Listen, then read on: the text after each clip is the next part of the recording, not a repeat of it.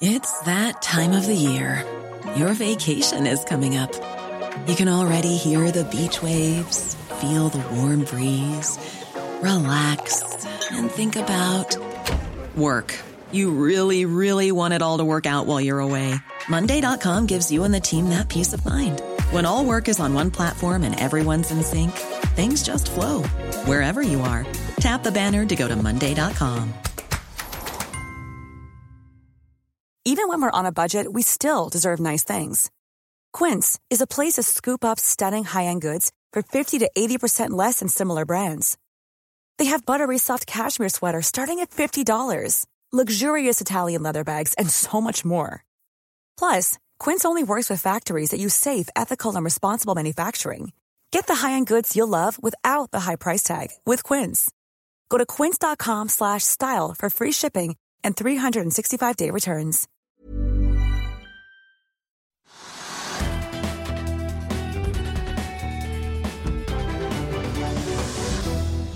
En riktig god mandag og velkommen til Økonominyhetene. Kalenderen viser 7. november, og klokken tikker for det kriserammede flyselskapet Flyr. Det blir mer om det straks med Trygve Hegnar, og vi skal også varme opp til de viktige inflasjonstallene som kommer senere denne uken, med sjeføkonom Harald Magnus Andreassen i Sparebank1 Markets. Og vi får også plass til en teknisk analyse av Quester-aksjen, og så skal vi også svippe innom litt senere klimatoppmøtet da i Sharm el Sheikh, hvor bl.a. konsernsjefen i Equinor er på plass. Men først, la oss ta en titt på markedet. Hovedindeksen steg jo 6,6% på Oslo Børs i oktober, og 2,99% til i forrige uke. Så langt i november er vi nå opp 2,35, hvis vi da regner med dagens oppgang, som så langt er på 0,3 Wall Street endte i pluss forrige uke. Alle de tre store indeksene endte opp mellom 1,3 og 1,4% og Den gode stemningen har smittet over i Europa og Asia i dag, der det er grønt jevnt over, med unntak av det britiske markedet, som er ned 0,7 Jeg tenkte også bare nevne sjømatindeksen på Oslo Børs, som den siste måneden har hentet seg inn igjen nesten 8 I dag ligger den og vaker rundt null, men dette er jo den store uken for sjømataksjene. Bakkafrost kom med tall i morgen, mens Movies, Amar Griegs og Grieg Seafood da kommer etter utover i uken. Aksjelutions er ned 1,4 i dag. De meldte jo da på tampen av forrige uke om at de har sikret en femårig subsea-kontrakt med brasilianske Petrobras, som kan være verdt inntil 4 milliarder kroner. Litt avhengig av hvor mye Petrobras da bestiller under avtalen. Og så har Standard Supply gjort en emisjon og hentet inn litt over 207 millioner kroner brutto til 4,70 aksjen. Den aksjen endte jo på 4,80 på fredag. I dag er den ned et par prosent til da emisjonskursen. Så får vi også ta med litt hva som rører seg i forsvarsindustrien. For bare dager etter at Kongsberg Gruppen meldte om en ny femårig rammeavtale med det amerikanske forsvaret for disse fjernstyrte våpenstasjonene av typen Crows, da med en verdi på inntil 15 milliarder kroner, så drysser det nå på en av Kongsberg Gruppens mangeårige leverandører. Kitron melder om at de har fått en avtale da med Kongsberg Gruppen for å levere elektronikkmoduler til disse våpenstasjonene. Og den avtalen er da verdt en 750 millioner for Kitron. Kitron er opp 3,4 i dag, Kongsberg Gruppen ned 0,3 Men Kongsberg er jo da får vi si, en av årets store vinnere. Så får vi også ta med litt sånn praktisk som skjer i dag. SAMAR og NRS forventer å gjennomføre fusjonen da etter børsslutt i dag. Så da er det jo et børsnotert selskap som forsvinner fra listene våre. La oss i Finansavisen hjelpe deg med å holde deg oppdatert på alt som skjer i finans og næringsliv. Hver morgen er jeg, Marius Lorentzen, og aksjekommentator Karl Johan Molnes på plass i studio for å ta tempen på dagens marked i Børsmorgen. På ettermiddagen oppsummerer vi alt du trenger å vite i Økonominyhetene, og så får vi selvfølgelig besøk av masse interessante gjester. Du finner oss på fa.no-tv, eller ved å søke opp Børsmorgen og Økonominyhetene der du hører på podkast.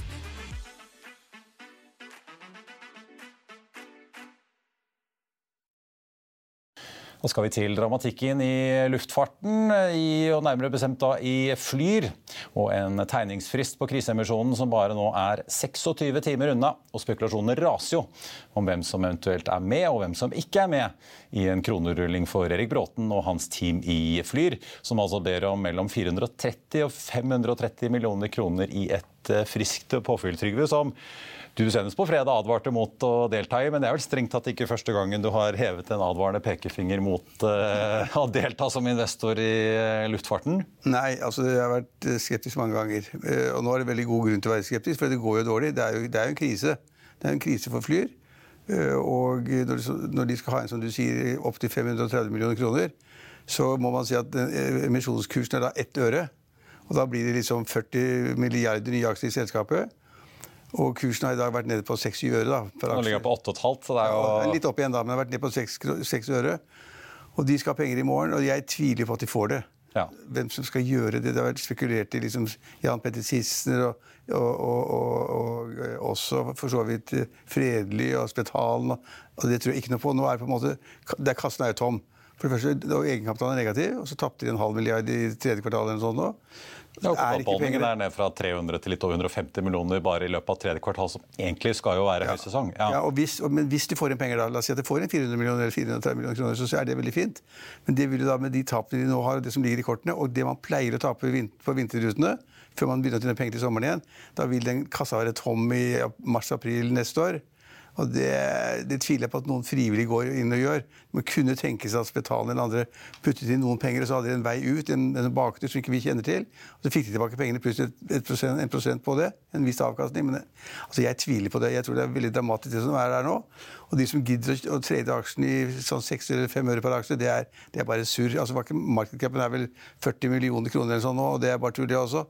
Slik at, uh, altså Selskapet har ikke penger. De, de, tror, jeg tror, de kan selvfølgelig få penger i morgen. Det er alltid noen som er litt entusiastisk og tror at hvis du kjøper en aksje i ett et øre, og så stiger den til to øre ja, men så, så, stiger den til to øre, så tror de har gjort en deal. Men poenget, det de ikke da skjønner, er at det kommer så mange nye aksjer at den, de som aksjene er i dag, de får ingenting igjen av selskapet. De blir helt utradert. Ja, ja. Helt, altså Mot null går det iallfall. Ja. ja. Så det, det, kan jeg ikke anbefale noen å gjøre.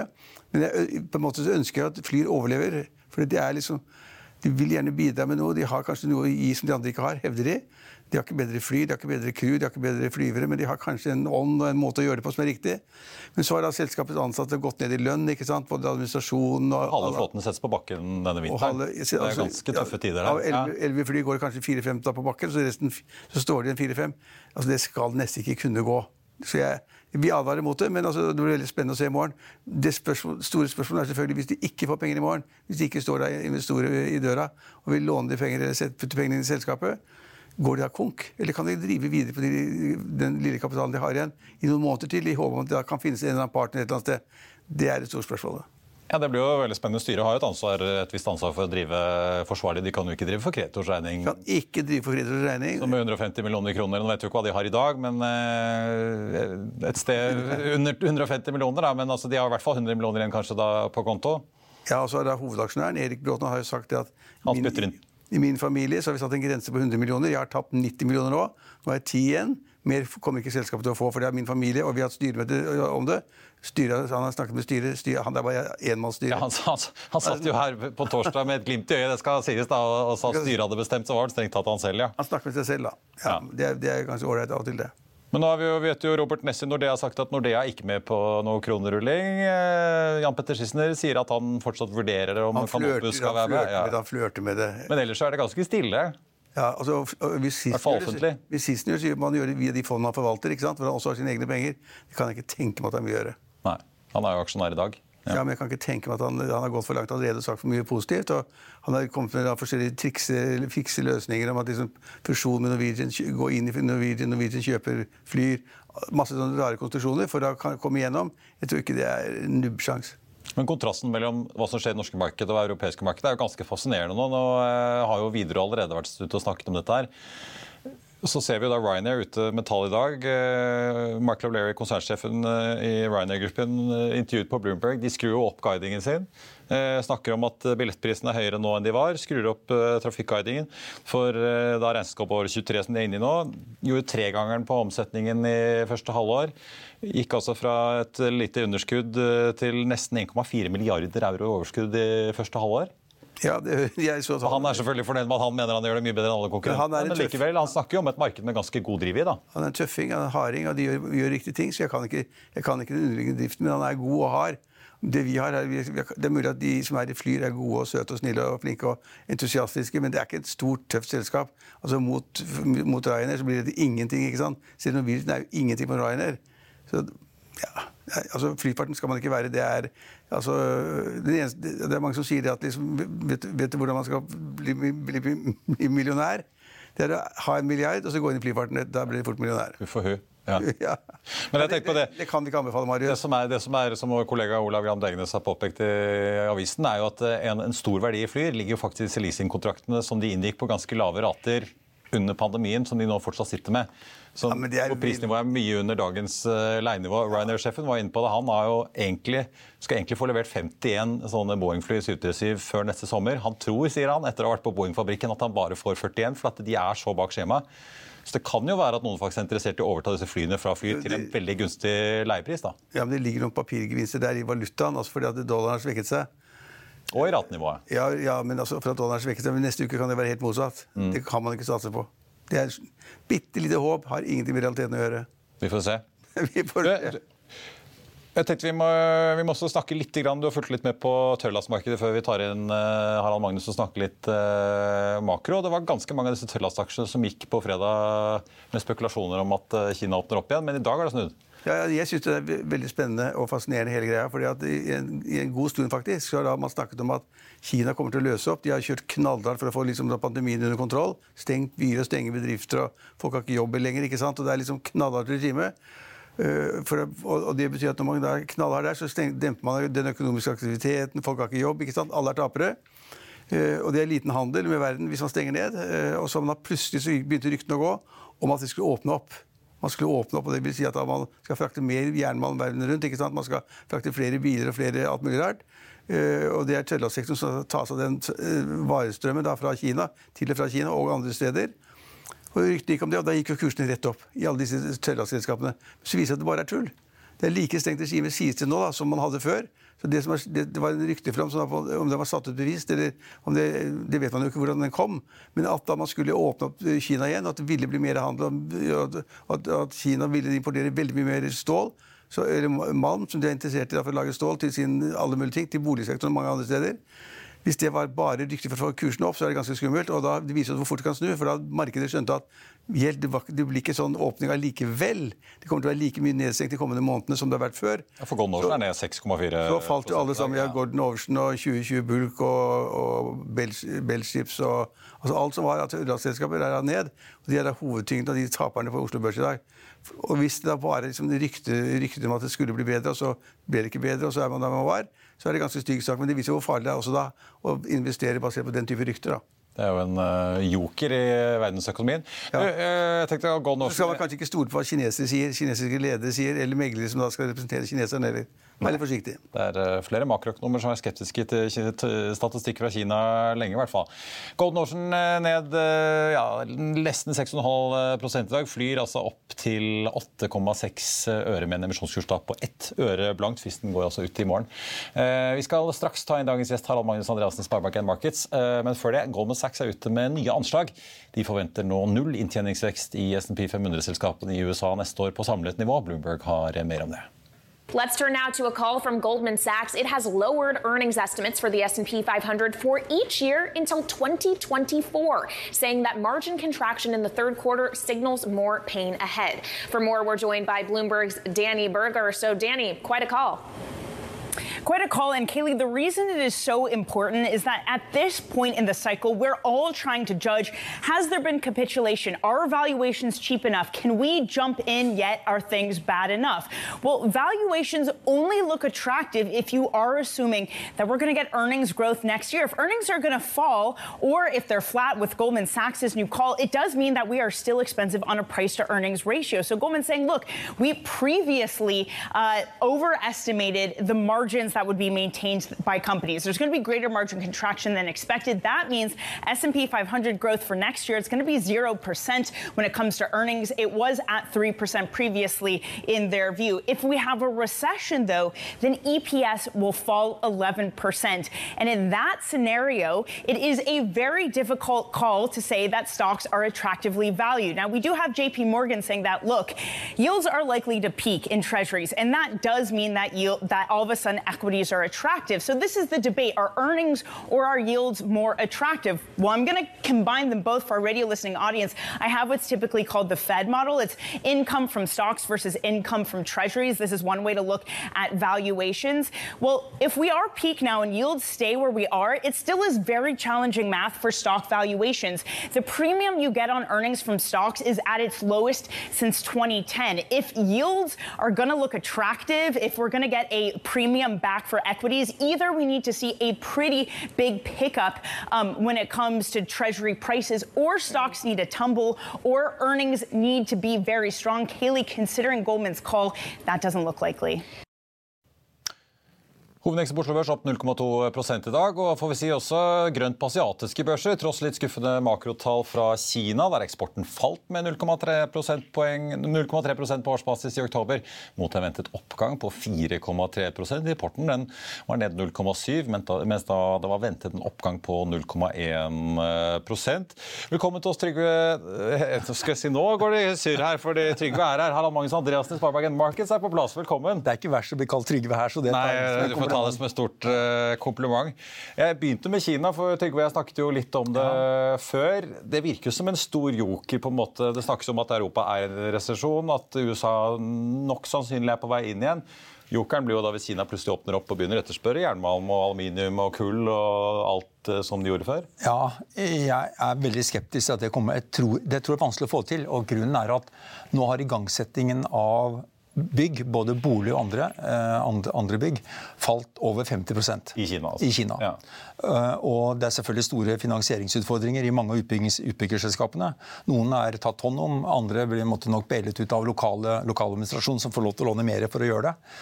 Men problemet er at byggevirksomheten i Kina har ligget på et enormt høyt nivå. Så tilveksten antall boliger og alt sånt har, blitt, har vært enormt høyt i forhold til andre land på tilsvarende inntektsnivå. Og, og, Det har alltid vært en risk her at den boligbyggingen en dag ville komme ned på et lavere nivå. Nå er den mer enn halvert. Og det skal mye til at du får det tilbake. og vel 40% av stålet i Kina som har, er 55% av verdens stål. 40% av det går til bygg i Kina. Og det, og, dette, og det, er grunnen til at malmprisen er dårlig.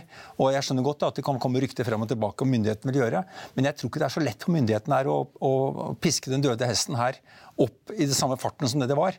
Da skal, altså, da skal byggingen dobles. Og så Selv om partikongressen er over, de taper kanskje litt ansikt, disse kinesiske partitoppene, hvis de plutselig snur på denne koronapolitikken sin? da? Ja, det, det, er vanskelig å si akkurat det. Altså, det, er jo, det, er jo, det, er lett å si og mene at man burde åpne opp. Liksom hele landet har vært stengt ned på mange måter. Det har vært tøft for bedriftene, tøft for enkelte husholdninger osv. Så, videre. så er det jo liksom lett å si at man skal åpne opp, men, men, men altså, den type regimer de er så strenge. Så hvis ikke de ser åpenbare effekter av å liksom åpne opp, og gjøre greit, hvis de ser risiko for at det skal bli enda mer pandemier, og hva det måtte være, så stenger de ned, selvfølgelig. slik at Ryktet om at de skulle åpne opp, og som det ville da gi masse frakt for norske redere og andre tørrhisteiere, det var borti tåka, altså. Ja, det var i tåka. Så, ja. Ja, altså, jeg tror Det største problemet med regimer som det kinesiske og, og, det russiske nå, det er at de får ikke informasjon, relevant informasjon inn til å ta gode beslutninger. Og De som sitter på toppen, er ikke så smarte at de klarer seg uten det. Så jeg, jeg er ikke så sikker på at det kinesiske systemet kommer til å være så, gi så enormt gode resultater. Når boligbygging i Kina er halvert og mer enn det, så skyldes det ikke korona. Eh, det skyldes at eh, Er det strukturelle ting? Ja, jeg tror mye, risken er mye mer er på det strukturelle. Og det ser vi jo andre deler av Kina har gått helt utmerket. Bilsalget har kommet rett tilbake og er på et høyt nivå. Vi ser det på eksporten ut av Kina, riktignok flatt år og år nå, men det har jo skutt i været på en måte vi aldri før har sett gjennom pandemien. De som skylder på at det har vært vareleveranse for Kina, er jo, det er jo helt misforstått. Det har vært kø i mange av verdens havner, men det er fordi havnetrafikken har vært mye mye høyere enn før. Fordi importen har vært mye høyere. fordi de fikk lave renter osv. Sånn og bare bestilte. Ja, ja, og bestilte, sant? De hadde jo fått penger og lave renter til å gjøre det for. Så det at Kina har lagt en demper på verdensøkonomien gjennom pandemien, er en sannhet med store modifikasjoner. Riktignok har innenlands etterspørsel vært svak, og innimellom har det vært åpenbart at det har vært en toskete koronapolitikk, at de ikke ville bruke våre gode vaksiner, for det var vestlige. Eh, men det, det, som er urovekkende på Kina, det er heller dels et, et dårlig beslutningssystem. Det kommer ikke gode beslutninger ut av det. Og etter partikongressen så var jo markedene mye ned, fordi man skjønte at denne kommunisten her, han ville neppe være i stand til å ta gode beslutninger på sikt. Han har bare bært Med- med full makt. bært ut gamle partitopper. Fra, fra møtebordet. Ja, men De får gjøre som de vil, syns jeg egentlig. Altså, det, er, Jo, det må de få lov til. Det er vanskelig å forstå hva som foregår i Kina, og jeg er ikke ekspert på det i det hele tatt. Men det som jeg syns er litt interessant, som vi var inne på tidligere, det er det at norske investorer i tørrlastselskaper og rederier de satset nå på at man skulle åpne opp at det ville bli mer handel internasjonalt til og fra Kina. Eh, Og at mange rederier liksom så på dette som et godt lyspunkt fremme der. Og så kom da så, så viste det at det var ikke riktig. Og så kom det faktisk en, en melding i dag tidlig som, som jeg så, hvor det sto det at det var kommet en ny type pandemi eller et eller annet som var veldig fælt. Da, da stenger de ned alt som er igjen. Norske redere og andre som på en måte skulle investere i at Kina skulle endre sin policy når det gjaldt helsepolitikken, det kan de bare glemme. Men jeg, jeg tror jeg har misforstått. Det er ikke Skipsfarten er ikke rammet av, av Kinas covid-politikk. Eksporten fra Kina har vært sterk. Når Men, importen poenget er at det, det som har vært tilfellet, har vært at ratene har gått i været fordi at liksom rederne så en sjanse til å få da større frakt til og fra jernbanen. måtte være. Jo, jeg skjønner det, men jeg tror- Til Kina. Ja, men rederne har sagt jeg, jeg, ser, ja, jeg ser det. Opp, kursen gikk opp, men jeg vet det, men jeg tror det er misforstått. Jeg tror ikke en, men selv ikke en endret koronapolitikk vil gjøre at ståletterspørselen i Kina blir bedre. Mange trodde at kursene ble drevet opp i tøllasektoren, og nå er det rett ned igjen. Nå er vi tilbake til virkeligheten. Trøsten får være at det er magert med flåtvekst i tørrlast uh, fremover. I motsetning til container for øvrig. Og LNG. Det, Og, ja, men LNG er trenger vi mer av nå, men tenk på, tenk på containertrafikken, Ja. som har vært da fenomenal sterk. Pluss at mye av kapasiteten gikk med at det var kø både for å laste og for å, å, å, å losse. eh, Fordi at det var så enormt høy trafikk. Raten gikk iallfall fem, seks, sju ganger, eller hva det måtte være. I hvert fall en indeks jeg ser på mest, den er vel på en syv, åtte, iallfall seks-syv-gangeren opp. Nå er den nesten tilbake der den kom Det fra. nesten som å se på en sånn Det det, det går loddrett ned. Mange tider tjente masse penger på containerfart. Selvfølgelig. Og det som kommer til å skje nå, det er at de, de ratene de er, nå snart tilbake. Bare noen uker nå så er de tilbake der de kom fra. Og der kommer det til å være tror jeg, mange mange år. For nå blir det levert containerskip vi ikke har bruk for. Og de får dekket bunkers og, og lønningene, men ikke noe mer enn det. Og ikke noe til kapitalen. De som har fulgt med på Økonominyhetene, har fått, uh, har fått med seg allerede. den pitchen før. Ja, Det jeg gjerne vil snakke om, er hva som skjer på Kleiner. Vi har et mellomvalg i USA i morgen, og vi har to ganske, for å si sånn, vi har to viktige inflasjonstall. Et som er viktig for oss, nemlig norsk inflasjon, og også et globalt viktig inflasjonstall, nemlig det amerikanske. Begge kommer på torsdag. Først litt om valget. Tror dere det har noen effekt på markedene i USA, altså valget i USA? Jeg Eller er det mest fordi tror egentlig ikke det. Jeg tror jeg ville tro, jeg satt og tenkte litt på litt i går og skrev på det, eh, at eh, det er ganske klart at det blir et skifte i Representantenes hus fra demokratene til republikanerne. Det kan også bli det i Senatet. Det er litt uklart på Senatet, der er det liksom litt åpen fortsatt. Men det skal mye til at Biden ikke blir en, eh, det vi på godt norsk kaller en lame duck. Eh, i, eh, i de to siste årene. Og det gjør at det er vanskelig å få gjennom store og små ting. Det blir konfliktfylt, det blir kanskje rettssak- riksrettssaker. Altså det blir i en måte et uproduktivt system. Men det, og det innebærer at det neppe vil bli noe mer i hvert fall ikke noe mer nevneverdig ekspansivitet i finanspolitikken, men det trenger vi heller ikke. Nei. Akkurat nå så er jo, er jo behov for brems som er det fremtredende, og det tar Federal Reserve seg av. Hva tror du, Trygve? Tror du det blir noen effekt på markedene av dette valget? Jeg syns det er vanskelig å si. Altså, jeg tror det blir flertall eh, i Representantenes hus for republikanerne. Det tror jeg. Det ser sånn ut på tallene. Og om det blir Senatet, det er jeg usikker på. Det tror jeg alle andre er usikre på også. Men hvis det blir eh, et flertall for, for republikanerne i Representantenes hus, så tipper jeg det får en liten positiv. Det kan få en liten positiv effekt i markedet. At liksom tenker at nå er det mer pro-business, nå er det bra. og det er liksom En liten effekt, men hvor, den varer ikke lenge. For det som er problemet, det er liksom det vi har snakket om hele tiden, det er liksom da hvordan man skal bekjempe da prisveksten i USA. Altså Hvor mye skal sentralbanken øke renten, hvor mye skal den ikke øke renten? Og liksom ha tre, tre tripler etter hverandre, ikke sant? skal det bli enda mer? Hvor, Det er fire nå. ja, ja, og hvor hardt skal man kjøre for å komme ned på en stabil prisvekst eh, på 2% ikke sant? Og, og hvis, hvis sentralbanken fortsetter det de gjør, de gjør nå, så vil vi få et fall i, i, i aksjemarkedet. Det er jeg rimelig sikker på. Jeg, jeg er overrasket for å innrømme det, at det ikke har kommet før. Eh, Det var jo en liten periode hvor, det, hvor alle indeksene falt, og så gikk det opp igjen. Og så har man sånn der, en sånn nedgangsopptur, hva man kaller det på norsk. Ja. Dead cat bounce. Ja. Bear market rally. Ja, og, men, så så jeg, altså, Hvis sentralbanken er såpass streng som den har vært, og kjører såpass hardt som den har gjort, og jeg mener den bør gjøre det også, så får de ikke prisveksten ned. Da må de gi opp, og det tør amerikanerne gjør. Det er, ikke, det er liksom ikke den måten de handler på. Og Da vil vi få en, en nedgang i aksjemarkedet pga. det. Ikke fordi de kanskje får et skifte i Representantenes hus, det tror jeg ikke. Herre Magnus. øh, vi kan ta norsk etterpå, men hvis vi ser på den amerikanske inflasjonen først. da. Jeg var inne og tittet på konsensus. Ventet å gå da KPI-en fra 8,2 til 8 da i oktober på årsbasis. Men denne kjerneinflasjonen som er eks mat og energi i USA, ventet å ligge stabilt på 6,6 ja. De siste månedene virker som det har vært en trend at ja, inflasjonen har kommet litt ned, men kjerneinflasjonen i USA har fortsatt ja, det er, det, er det noe, er det, feil og det viktige er ikke heller årsvekstraten, men også hva som skjer fra måned til måned. Ja, ja, men er det, er det, er det, er det skifte der nå at ja, altså, jeg, jeg, også kjerneinflasjonen i USA kanskje begynner å stabilisere seg? Ja, jeg ville tro det. For de ratene vi har nå er veldig høye. Og vi ser jo at råvarepriser, fraktrater og iallfall energipriser sånn i det store har kommet ned fra toppen. Eh, tømmerpriser altså Veldig mye har, har, har, er nå i retrett. Fordi at etterspørselen er svakere, bl.a. som følge av renteøkningen vi har lagt bak oss. Innstramming i finansielle forhold, altså lavere aksjemarked, høyere krigsbredder, eh, høyere langrenter. Eh, og selvfølgelig også da at husholdningene har tapt kjøpekraft på at inflasjonen har blitt høy. Så jeg, jeg tror at vi nå Eh, er i nær toppen på inflasjonen. Og jeg tror den kan komme raskere ned enn det mange venter.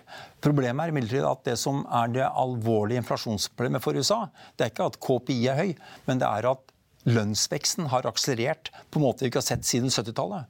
Som følge av at mangel på arbeidskraft har vært der vi knapt har sett før. Ja, for, og ikke siste 40 årene. står og sier på pressekonferanse. Det, ja. det, går ikke lang tid før han eh, suser innom arbeidsmarkedet Nei, og snakker om hvor helt ut av balanse er. Helt ut av balanse, og av lønnsveksten, Det er litt avhengig av hvilken indikator du ser på, men lønnsveksten har akselerert en 2,5 opp til 3,5 prosentenheter i forhold til hva det har vært de foregående ti årene.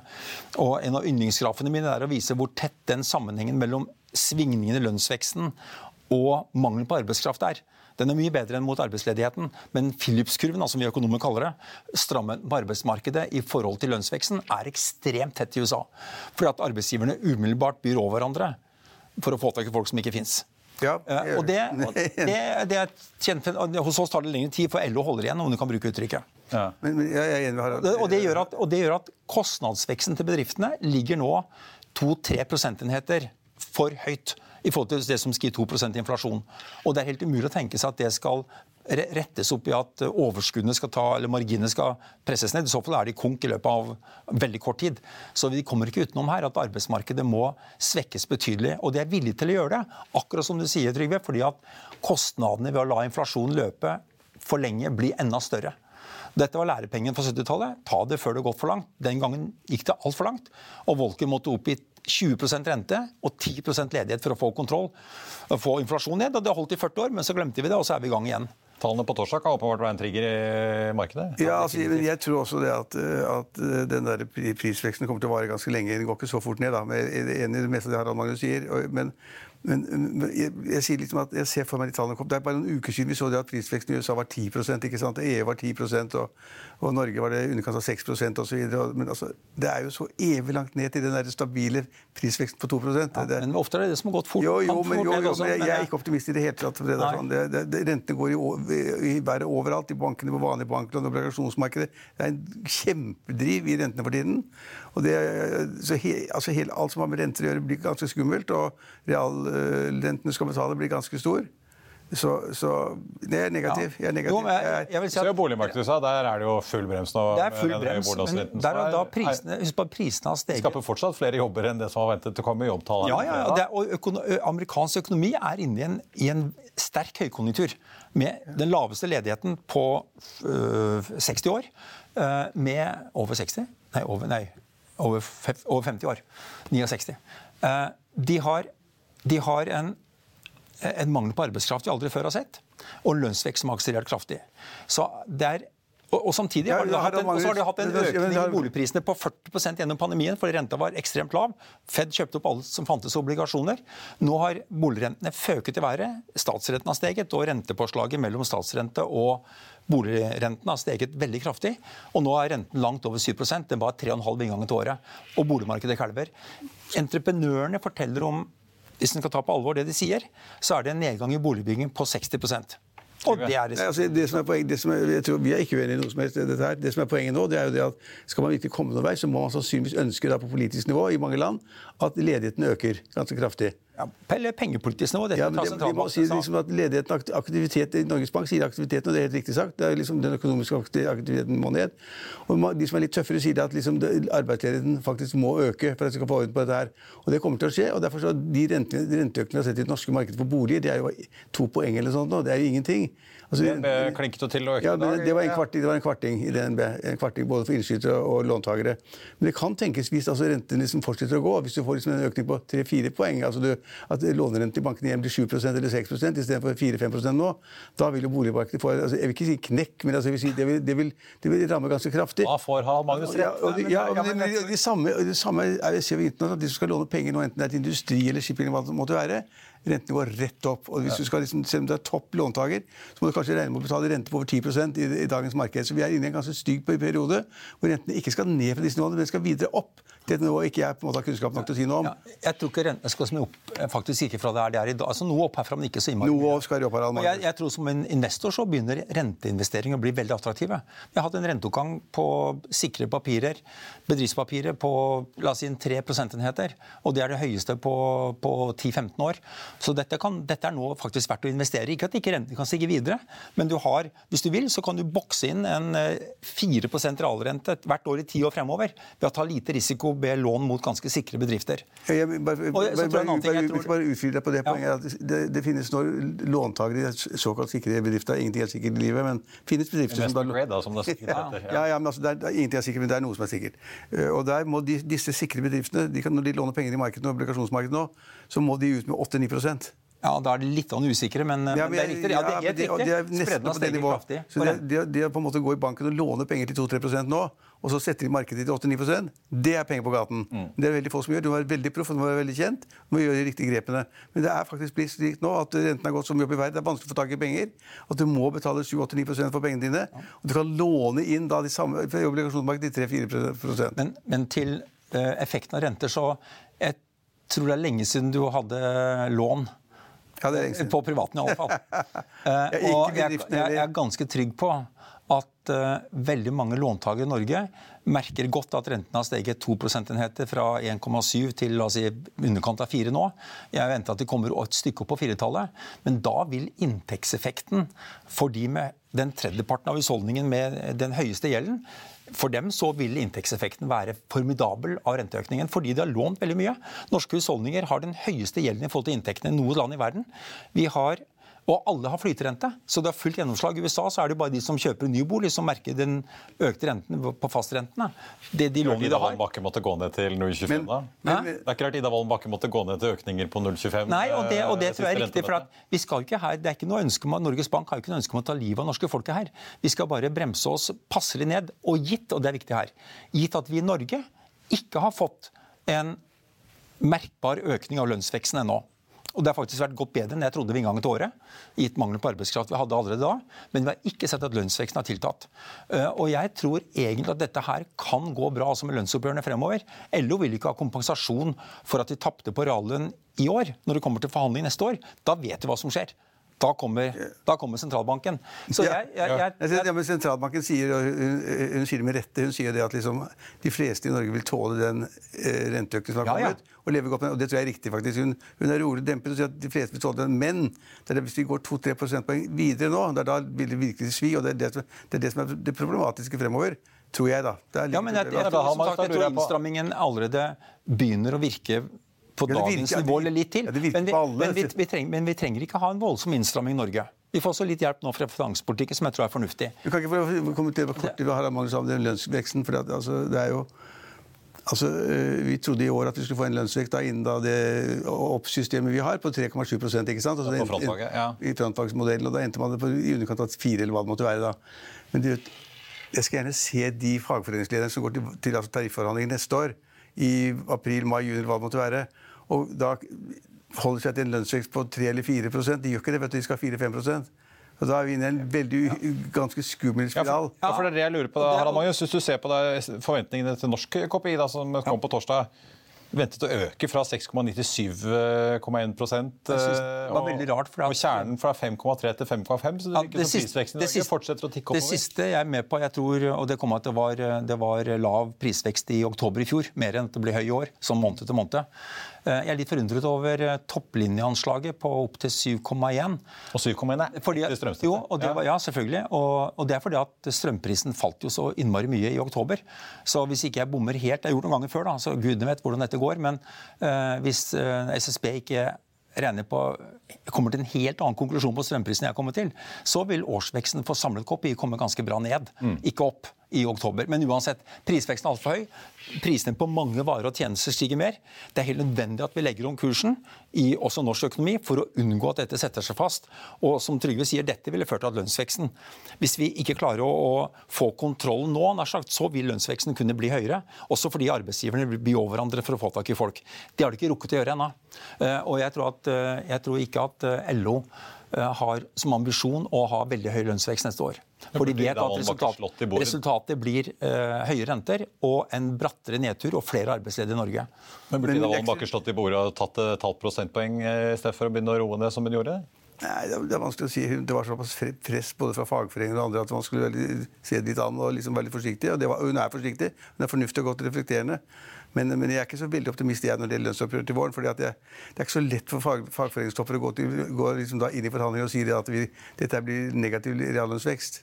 Altså, de vil kreve i utgangspunktet en positiv reallønnsvekst. Altså, hvor stor skal den være? Det er noe annet, det kan man krangle og diskutere. Men negativt negativ går ikke inn på, det tror jeg ikke noe på. Nei, og Da spørs det hva inflasjonsanslaget blir når vi kommer til februar-mars til våren. Så er det, og det er vrient. Så inflasjon, ja, men inflasjonen er også det er høyere enn man tror, for de lurer oss litt med den strømgreia. ikke sant? Den der, jo, men altså, det er ingen som lurer noen her. At, tok, at man bommet på strømprisen etter krigen. Jo, men er, hvis man ikke tar, man må korrigere for den subsidieringen som er av staten på strømprisen. Hvem skal, hvem skal korrigeres for det?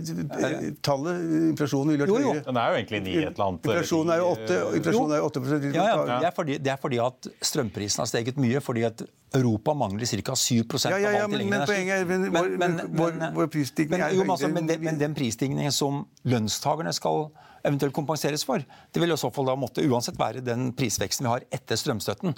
For tross alt, det er jo ikke penger som Nei, nei, men, nei, nei, hvis man ser tallet hva som er prisveksten, så er den egentlig høyere enn det vi ser offisielle tallene, fordi man da subsidierer strømprisen. Ja, ja, selvfølgelig. Og det er fordi at strømprisen er så høy. Ja, ja, men må, Da må man gjøre et eller annet og gripe inn med det. Men husk også nå på at de siste ukene har forventet strømpris, eller strømpris og gasspris i Europa falt veldig mye. Ja. De er fortsatt høye, men de er på vei ned. Det er jo nesten sommervær. Harald, det er nesten sommervær. Jo, det er det også, men... Hvis, I en uke kan det være bittert kaldt. Det, bare det, godt være, og det er mulig også, også vente at prisene skal stige nå mot årsskiftet og midt på vinteren. Men, men, men saken er jo at gasslagrene i Europa har blitt bygget opp betydelig raskere enn normalt, selv etter at gassen fra Russland ble skrudd av. Gudskjelov. Gudskjelov. Og det er fordi at dels så får vi tak i mer LNG-gass til Europa, men det viktigste er jo at denne ekstremt høye prisen reduserer energibruken. Vi legger det til ja, Markedet, markedet, markedet løser mye av det. Men på tross av at vi har stengt en del industri og tungindustri, så har jo samlet aktivitet i Europa inntil nå holdt seg godt oppe. Jeg tror vi får effekter av energiprisene på mange områder i økonomien nå gjennom vinteren. Men det er ikke sånn at samfunnet legger ned selv om energiforbruket skal noe ned. Alle skrur ned temperaturen. Alle sparer på strømmen for, og gassen fordi den er dyr. Og det er rart med kapitalismen. Når den først har fått en krise i fanget, og ser at de kan tjene penger på å løse den, så blir de krisene som regel løst mye raskere enn noen kan forestille seg. Fordi at alle krefter settes inn på å løse problemet. Jeg, mindre, er enig med Magnus, jeg må gå nå. Ja, veldig bra. Jeg tenkte, nå skal jeg si takk men, men, men, jeg, jeg, er helt enig i det, men det er et bitte lite men, og det er at i Tyskland så går massevis av bedrifter over ende nå. De blir konkurs, konkurs, konkurs. Vi snakker ikke så mye om det. Staten overtar en del av selskapene. Er, men de går over ende for tiden, altså, for det er tøft allerede nå. Så det kan bli verre. Ja, Det blir en nedtur i Europa nå, det er ingen tvil om. Nei, og ECB bidrar til det ved å sette opp rentene fordi de mener at aktiviteten er for høyt. Ja. Arbeidsledigheten i Europa i september tallet kom i forrige uke, er den laveste siden 1980. Vi skal ønske dem lykke til med byggingen av LNG-terminalen sin i Wilhelmshaven eh, på tampen av uh, året. Og så blir det da, hvis estimatet estimatene treffer, økende inflasjon i Norge og en stabilisering i USA på torsdag. Fasiten får vi altså da om tre dager. Vi skal videre innom klimatoppmøtet COP27 som er i gang i Sharm el Sheikh. En av deltakerne er Equinors konsernsjef Anders Opedal, her intervjuet av Bloomberg. It is fair to say that Norway has thousands of miles, of course, of gas pipelines and countless drilling platforms. So when you look at the attack on Nord Stream 2, what does it mean for you to, to secure some of those assets? How difficult is it to keep them safe? Yeah, thank you. Thank you, and good morning to you as well. Uh, now, uh, the, what we saw on the Nord Stream was a kind of a stark reminder of someone has an intent and the capabilities yes. actually to do this. So we have also in the Norwegian continental shelf seen a lot of drone activity, yeah. and the combination of the Nord Stream and the drone activity made us to increase the security level. And we have uh, NATO uh, allies also helping us now uh, patrolling the, the around the installations and particularly the pipelines. We have done service on the pipelines and we do everything we, we can do to also make sure that we keep the people safe that work on these installations. And, and you're pretty confident that that can be done? Well, it's a great of collaboration now with between uh, the different countries, depending on the energy from Norway, Norwegian government, and the and the companies also working with, uh, with, with oil and gas in Norway. So we, are doing everything we can to make sure that we can have uh, safe and efficient energy to Europe. There's a lot of talk about uh, changing the European gas market. Were we so wrong in relying on spot prices? Do we need some longer term gas fixtures? Well, basically, you know, what, what, what, the big problem with the market at the moment is that there is a lack of energy. Um. You know, gas, uh, obviously, but also en uh, energy for, for renew renewables. So we need to find a combination of reducing demand and try to invest, making sure more energy can uh, come. That's of course a fundamental, but then you have this infrastructure which doesn't help. No, uh, but you know, it's again the infrastructure. It can transport what it has at the moment. Uh, so we, are, we have been able to really increase the production by 11% over the last year, utilizing the yeah. infrastructure as best as possible. Uh, you know, the installations, the pipelines, uh, extraction. It's a lot of hard work by many to ensure that we can increase uh, the, uh, the gas. But on longer term contracts, do they make sense for Equinor and what needs to happen for them to make sense if they don't now? Well, I think long-term uh, contracts make sense because you know this gives energy security and also a good signal for us that gas is needed also in the future in terms of doing exploration. And also natural gas can be uh, also converted to hydrogen in the future. So it makes a lot of sense to establish a good relationship between countries and, and Norway now for securing gas for a longer term. And we have also offered countries the fixed term uh, long-term contracts as well to ensure that the prices stays at an affordable level and we also have energy security. So how do you see the two? If you look at energy security and what we've just been talking about and the fact that we need more energy, how difficult is it to translate into clean energy? Does it accelerate or does it actually take a pause because of the crisis we're dealing with? I really hope it will accelerate. Uh, but of course, we see that we are moving a little bit backwards these days because of increased use of coal, uh, etc. But uh, this gives a lot of incentives. As, as, I said, you know, we need to invest more yes. to, to get more energy. More of this needs to be renewable. So in one way, we need to kind of make sure that we still invest in oil and gas for have energy security, and yeah. at the same time stepping up the investments in renewables. But is there a danger that, that actually we're just going too slow? I think the, the Aker chief executives you know, said something like, we're tearing down the house before building the new one. But if we're going to meet these goals, then something needs to happen much more quickly. We need to, to, to do more, much more quicker on the renewables and the decarbonization technologies. Uh, the, the time it takes now to make these investments are too long.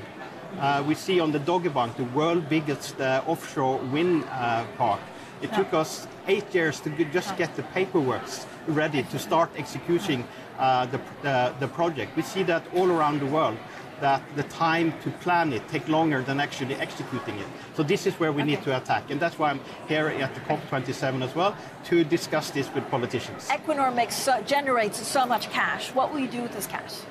Well, for, yeah. For, first of all, you know, we pay a lot of tax.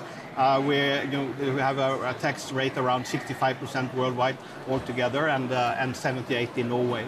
Uh, and uh, so, but we're also investing. Uh, we decided already with our strategy last year to increase our investment in renewable. We will invest from 2021 to 2026, 23 billion US dollar in renewables.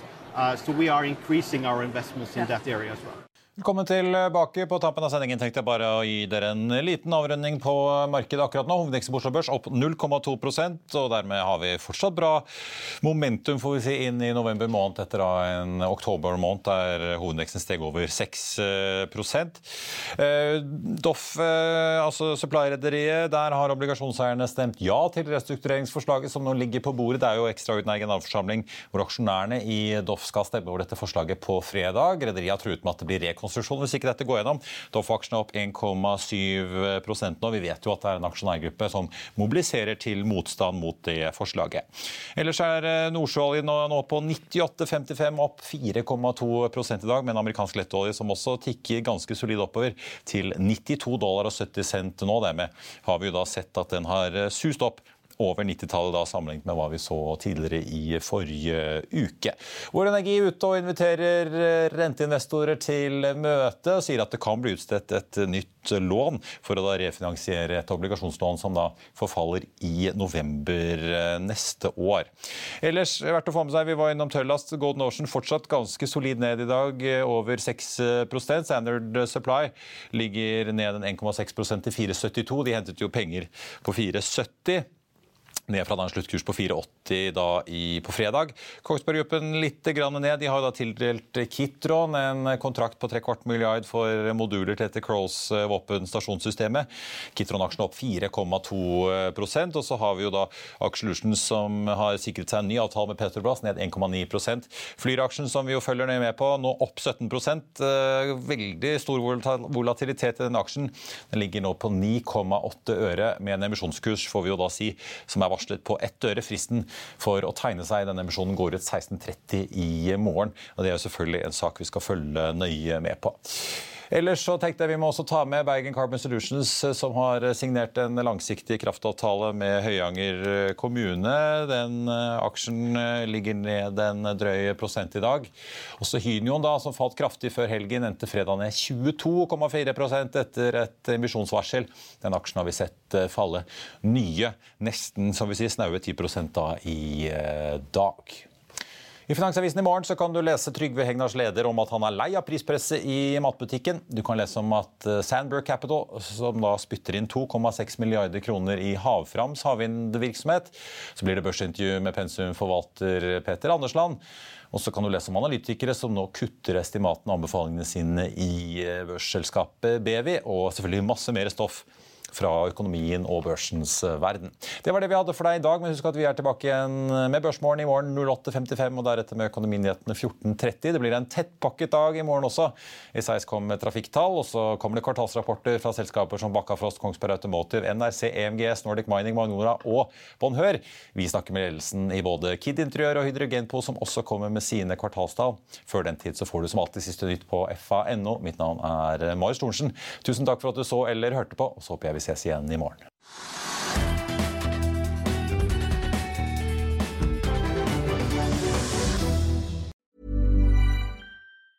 Hey, it's Danny Pellegrino from Everything Iconic.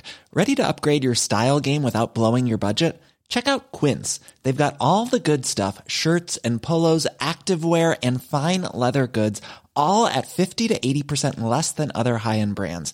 And the best part? They're all about safe, ethical, and responsible manufacturing. Get that luxury vibe without the luxury price tag. Hit up quince.com slash upgrade for free shipping and 365 day returns on your next order. That's quince.com slash upgrade. Økonominyhetene er en podkast fra Finansavisen. Programledere er Marius Lorentzen, Stein Ove Haugen og Benedikte Storm Bamvik. Produsenter er Lars Brenden Skram og Bashar Johar. Og ansvarlig redaktør er Trygve Hegnar.